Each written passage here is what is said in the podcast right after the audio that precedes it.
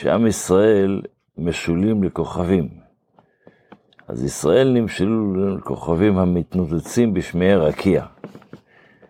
מה התפקיד של כוכבים? אשר לאורם לא יטעה גם ההולך בחשכת הלילה. הכוכבים, אחד התפקידים שלהם זה לא להאיר את הלילה, אבל אתה יכול את המצפן, לדעת לאיזה כיוון ללכת. הכוכבים יעזרים לך, גם אם אתה בחושך, גם אם אתה עדיין יש לך אפשרות ללכת נכון. למה? כי כל אחד מישראל, גם בן איש, בן אישה, יש בו די כוח מוסרי ורוחני להשביע ולהעמיד את, להעמיד גם את מכיריו ומידיו בקרב תוך עצמו. זה לא רק שהוא יכול לעבוד על עצמו, להדריך את עצמו, ודאי שקשוט עצמך ואחרי זה קשוט אחרים, לא להגיד לשני מה לעשות ואנחנו עצמנו, אלא קודם צריך באמת לעבוד על עצמך, אבל הכוח שהקדוש ברוך הוא נותן לך זה היות שאנחנו ישראל ערובים זה בזה, מעורבים זה בזה, אז יש לנו את הכוח שהקדוש ברוך הוא נותן לנו, שנוכל להשפיע על השני. זה רבי לא כותב את זה, אבל בכל אופן לא כותב את זה פה. אבל עכשיו דיברנו הרבה פעמים שכדי להשפיע על מישהו אחר זה צריך להיות דברים היוצאים מהלב, נכנסים ללב ועושים את פעולתם. זה לא רק מספיק להגיד לשני. לפעמים אנחנו אומרים לשני ולעצמנו אנחנו לא אומרים את זה. צריך להגיד לשני ולהרגיש את זה ולהגיד, אני רוצה, באמת אכפת לי שיש פה דבר שהוא לא הכי הטוב. אני רוצה להשפיע על השני. אז דברים היוצאים מהלב נכנסים ללב ופועלים את פעולתם. בספר המצוות לומדים היום את המצווה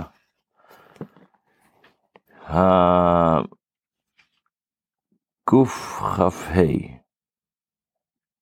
שזה המצווה, אנחנו עדיין בקורבן פסח, אז בקורבן פסח יש את המצווה שאסור לאכול אותו, הוא צריך לאכל צלי, אסור לאכול אותו מבושל.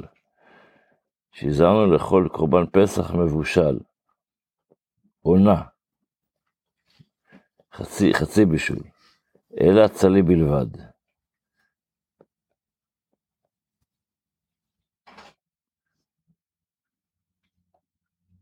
והרמב"ם פה מסביר שזה לפי הכללים שהוא נתן איך לקבוע את המצוות, זה, סופרים את זה כמצווה.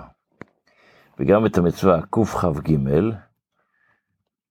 שכשאוכלים קורבן פסח, אז זה צריך להיות קבוצה, אנחנו כבר דיברנו על זה, שקורבן פסח היה צריך להיות לא בן אדם אחד יכול לאכול קורבן פסח. צריך להיות קבוצה שאוכלת ביחד, ובמקום שאוכלים את הקורבן אסור לקחת עכשיו הביתה, take out, home. זאת אומרת, אתה אוכל במקום מסוים, אתה לא, לא חייב לאכול בבית המקדש, אתה לא אוכל בבית המקדש, אוכל בבית שלך, אבל בבית שאתה קבעת שזה המקום של הסדר, ליל הסדר, אי אפשר לקחת אחרי זה הביתה לאכול בבית. אז אי אפשר לתת לאורחים? בזמן שהיה קורבן פסח, לא, אנחנו מדברים על קורבן פסח. כמו שכתוב בתורה, לא תוציא מן הבית, מן הבשר החוצה. עם עוד כמה פרטים, אחרי זה לומדים גם את המצווה קכ"ח, שקורבן פסח לא כל אחד יכול לאכול. אחד האנשים המצ... שאסור לאכול, כל בן נכר לא, יאכל, לא, לא יאכל. מה, מי זה בן נכר? זה אדם שהוא כופר בתורה, שנשתמד, מה שנקרא. הגמרא אומרת, בקבלה מקובל בשם, גם אריזה, גם האונקלוס מתרגם את זה ככה, כל בן נכר זה יהודי משומד, שמתחיל לעבוד עבודה זרה. המצווה הקכ"ו, שאסור לכל בן נכר, גם כן לגר, גר תושב. מה זה גר תושב? יש גר, אנחנו מכירים את גר, יש לך שהתגייר, אבל יש מושג בתורה שנקרא גר תושב. זה גוי שקיבל עצמו שבע מצוות בני נוח. לא סתם גוי רגיל, זה גוי שקיבל עצמו לקיים את. שבע מצוות בני נוח, אז גם לו אסור לא לתת לו לאכול מקורבן פסח. ואת המצווה קכ"ז, אז אז האזהרה שהקדוש ברוך הוא הזהיר אותנו שכל ערל לא יאכל בו. וגם את המצווה קכ"א, שאסור, כשאוכלים את קורבן פסח, אסור, אסור לשבור שם את כל עצם מעצמות של קורבן פסח, עצם לא תשברו בו. וגם את המצווה קכ"ב, שלא רק בפסח ראשון אסור לאכול, לשבור את העצמות, אלא גם בפסח שני, שדיברנו עליו, יש לנו כל מצווה של קורבן פסח ראשון וקורבן של פסח שני, גם כן, כתוב שם עצם לא תשברו בו. זה המצוות שלומדים היום בספר המצוות. בתפילה, אנחנו הסברנו אתמול שלפיכך אנחנו חייבים להודות, אז זה שבע לשונות, לשבח, להודות, דיברנו על זה אתמול. אחרי זה אנחנו אומרים, אשרינו מה טוב חלקנו, מה נעים גורלנו, ומה יפה ירושתנו. מה זה אשרינו מה טוב חלקנו? אנחנו מאושרים בזה שהקדוש ברוך הוא נתן לנו תפקיד ספציפי, החלק שלי בת. באתי לעולם הזה, כל אדם בא לעולם לעשות תפקיד מיוחד, בנוסף ל... כמובן שאני חייב לקיים מצוות בכלל, אבל יש איזה, מה שנקרא ב...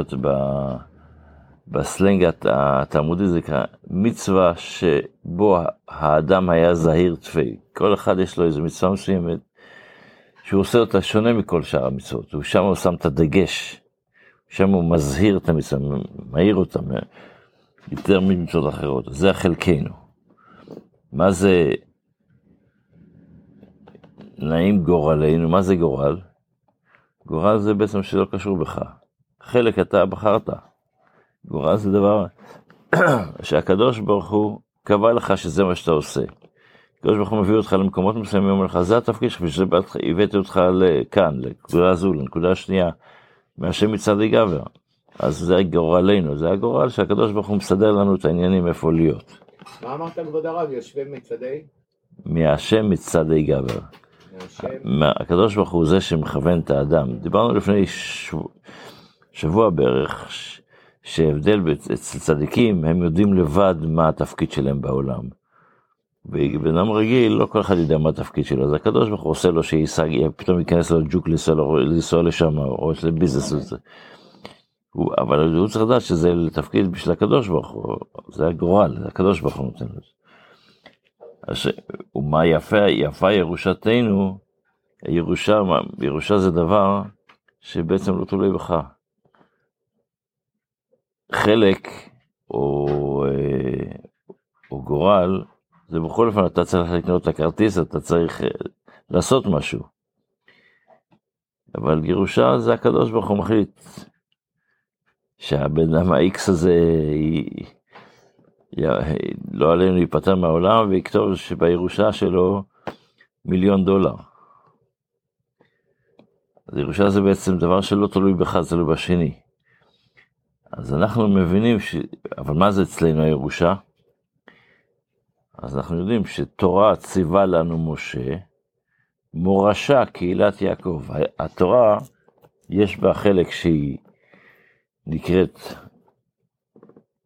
ירושה, שזה לא תלוי בך, הקדוש, ברגע שאתה יהודי, אז ניתנה לך תורה בירושה. הקדוש, משה רבינו הוריש לכל אחד מישראל שיש לו חלק בתורה, הוא לא, לא בגלל שהוא דתי או לא דתי, יש אחרי זה גם דרכים ש, שהוא, שהוא קונה את התורה, יש קניין תורה. שבן אדם יושב ומתאמץ וקונה, אדם שמתאמץ וקונה משהו, אחרי זה יש מתנה, התורה היא גם כן מתנה, זה שלושה חלקים, על זה, על זה אנחנו מדברים פה ב, בתפילה פה, שבן אדם לפני שהוא מתפלל, שידע מה התפקידים שלו, וירגיש, הוא אומר, להודות לקדוש ברוך הוא, להגיד, אני מרגיש שאני שמח, שיש לי, שנפל בחלקי לזכות מאלה שיושבים ולומדים, עושים, עושים את מה שהקדוש ברוך הוא רוצה. ש... אנחנו יכולים לעשות מה שהקדוש ברוך הוא רוצה. אז שננצל את זה, שנהיה באמת אשרינו, שנגיד שאנחנו שמחים, מאושרים, בזה שזכינו לקיים תורה ומצוות. שיהיה לנו שבת שלום, בשורות טובות, כל טוב. אמן.